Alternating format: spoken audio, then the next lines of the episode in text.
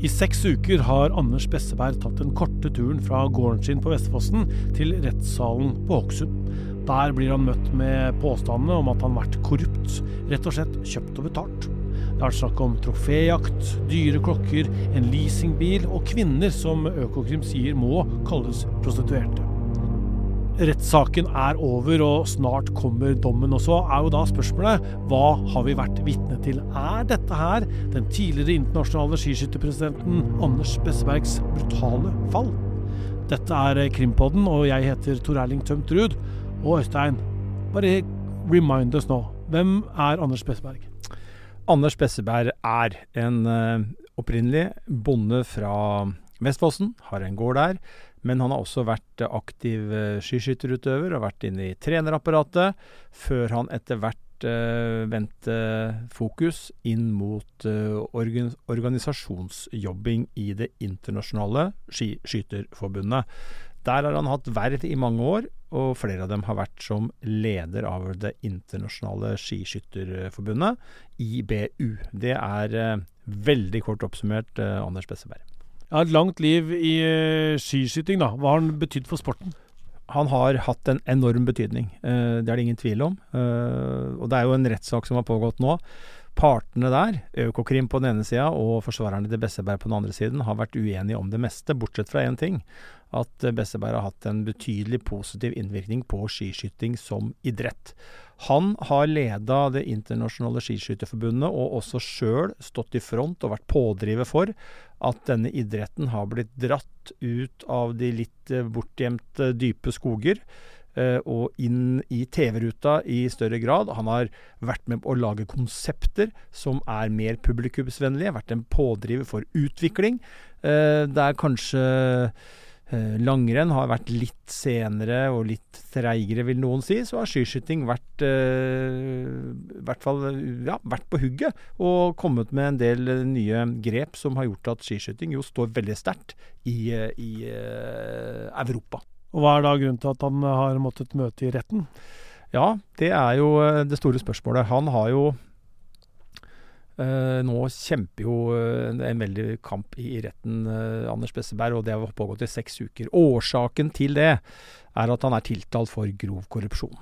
og Her har det vært en lang forhistorie, vi skal ikke dra hele den nå. Det har vært noen internasjonale rapporter, og man har hatt noen bekymringsmeldinger, og det har på en måte vokst frem en mistanke om at Anders Besseberg ikke har vært handla i tråd med etiske regelverket, men også da det juridiske etter hvert. Så har jo en etterforskning her pågått i fem-seks eh, år, er det vel nå. Eh, så det er en langvarig prosess. Men det handler jo om, og det skal vi jo snakke mer om, at eh, Besseberg, som Økokrim ser det, har mottatt utilbørlige fordeler. Altså det er ikke sånn at det ikke er lov å motta en flaske vin eller en blomsterbukett, men det er størrelse det handler om her. Og han har mottatt utilbørlige fordeler i bytte mot å ha gitt Eh, fra seg ting han har hatt råderett over. Det er snakk om at eh, altså Sånn Økokrim presenterer saken, så har Besseberg fått eh, klokker, eh, bil, eh, jaktturer av eh, både et produksjons- eller et CV-selskap og, og russiske interesser. Uh, og i bytte mot det så har han gitt goder til dem. Uh, han kunne bl.a. påvirke hvor verdenscuprenn skulle gå, som uh, kan være attraktivt for noen å få.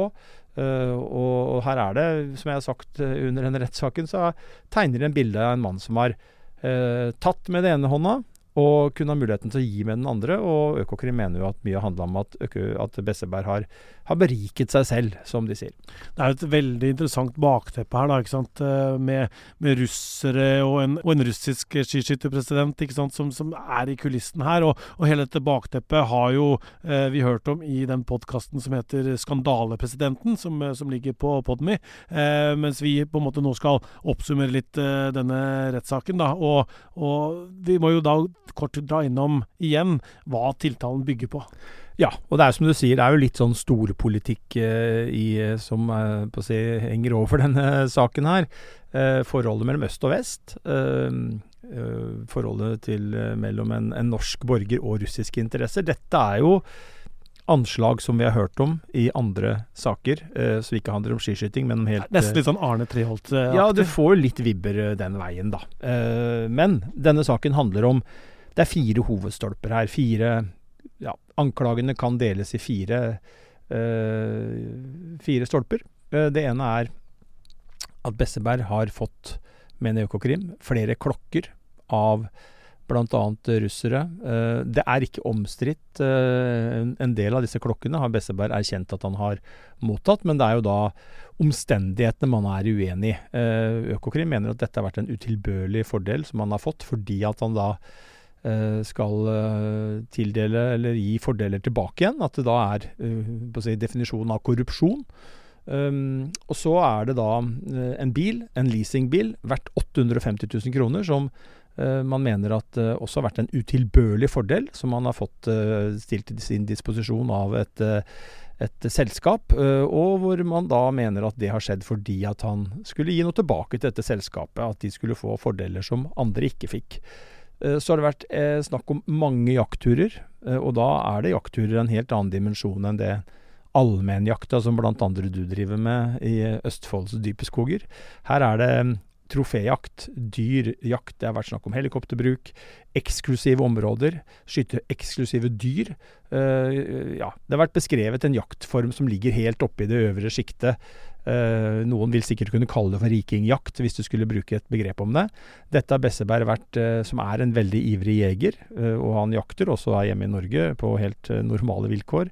og det, det, er jo da spørsmålet om disse jaktturene har vært eh, naturlig relasjonsbygging, kontakt mellom eh, parter i da, eh, dette skiskytteruniverset, eller om det er en såkalt utilbørlig fordel. Og så er det det siste punktet som kanskje er det mest invaderende for Besseberg å eh, bli konfrontert med retten, og det er jo kvinner. Uh, han har jo i løpet av disse seks ukene vært nødt til å eh, erkjenne at han har hatt utenom uh, ekteskapelige uh, situasjoner. Uh, det er relevant her, fordi at Økokrim mener at disse at, at, noen kvinner, som de har brukt et uttrykk på at Og det er litt sånn teknisk uttrykk, de, som du var inne på i introen. han Økokrim mener at de må kunne kalles prostituerte, og de har også brukt uttrykket 'stilt til Bessebergs eh, disposisjon'. Og så har de ikke gått inn på helt konkret hva som eh, har skjedd eller ikke har skjedd.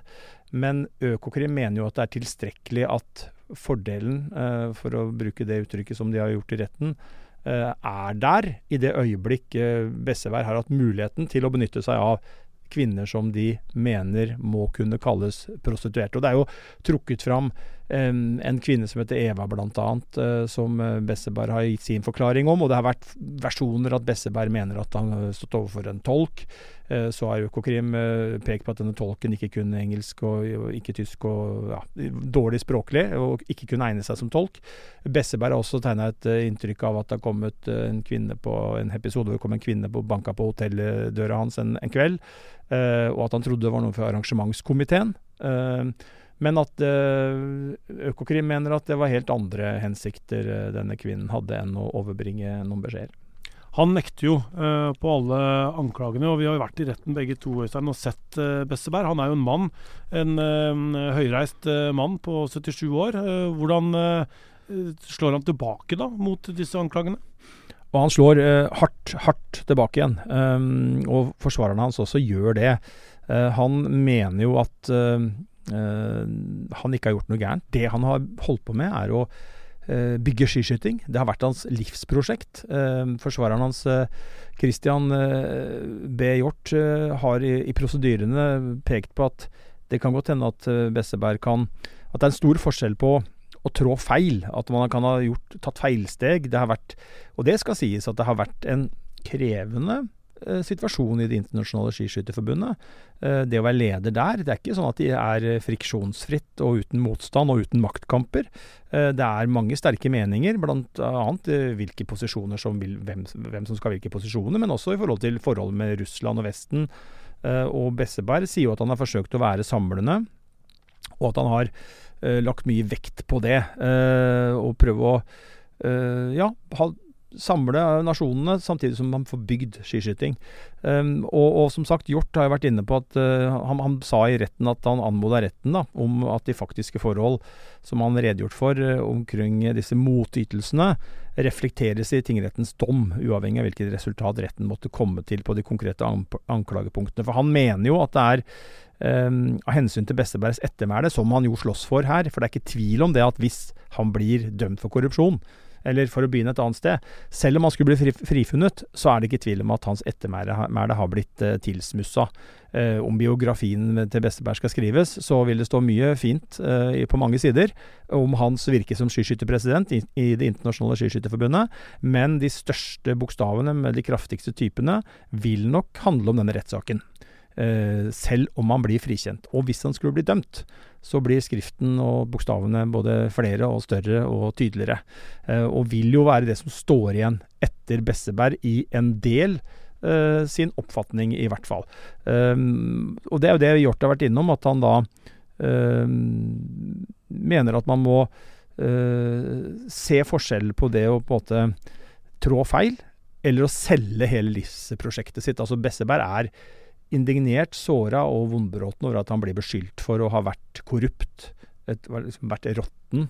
Uh, han føler sjøl at han har gjort alt han kunne, strekt seg langt og ofra mye for å få til dette her. Og så vil jo retten måtte avgjøre om han har ja, om han har skjønt hva som har skjedd, har vært bevisst på det, om det kan være noe form for uh, Om man har overtrådt uh, korrupsjonsreglene, for det første. Men uh, om de mener at det er i nærheten av det, så kan man jo se for seg at man kanskje vurderer om det kan være noe formildende eller noe frifinnende i form av en slags villfarelse eller en manglende forståelse av hva han sto overfor. For det som jo er et faktum, er at korrupsjonsreglene har jo blitt veldig innstramma. Og, og Christian B. Har pekt på at dette er et uklart landskap. Hvor går grensene? Uh, som jeg sa, du kan jo, det er ikke sånn at du ikke kan motta en kaffekopp uh, fra en, uh, en du forhandler med, men det er jo Ja, du kan sikkert få en vinflaske, og kanskje kan du få to, men hvor er det grensen går før du går til korrupsjon? Det er jo et av temaene her. Og så har jo på en måte samfunnet forandra seg, jo, da. Det som var vanlig før, er jo ikke nå så, så vanlig lenger, og, og, kanskje også ulovlig. Dette med jaktturer. Vi har jo den direktøren i Norsk Industri sant, som er under lupen nå. Det er på en måte disse kulturene som, som har ja, mange steder blitt borte. Men her har det på en måte kanskje hengt igjen, da? Ja, men det viser seg at det henger igjen her og der. Og dette har jo vært en utvikling over tid hvor det har med jevne og ujevne mellomrom dukka opp sånne og det kan ha vært straffesaker, eller det kan ha vært kritikkverdige saker. Hvor det kommer for en dag at det er gitt fordeler i form av Uh, ja, alt fra uh, økonomiske ting, uh, det kan være verv, roller, andre typer motytelser, så er det jo stadig saker hvor det viser seg at folk har fått motytelser som, som, blir kritisert. Og så er det som du sier at det har skjedd mye her. Den derre Uh, gutteklubben Grei-mentaliteten uh, var jo Det var jo for, Du skal ikke veldig mange år tilbake, så var det ganske annerledes enn det er nå. i forhold til, uh, Og så er det sikkert folk som bryter både ene og andre nå fortsatt, men før så var det jo mer, mer utbredt, av inntrykk og mer akseptert. Men så begynte man jo å problematisere det, og man begynte å se på både det etiske, men også det juridiske på en kanskje litt annen måte. og det er jo klart at hvis du ikke følger med i tida da, uh, så vil du få problemer. For det, her har det skjedd ganske store ting. Men et uh, tankeeksperiment. Hvis da Besseberg hadde satt nei til da disse klokkene og alt det der, da. Ja. Kun, kunne da på en måte skisporten, skiskyttersporten vært annerledes? Og ikke så populær? At dette måtte til for å gjøre de forandringene han fikk til? da? Ja, det kan jo hende. Det vil man jo aldri få svar på, da. Men uh, hvordan det hadde vært hvis man hadde Uh, ja, eh, ikke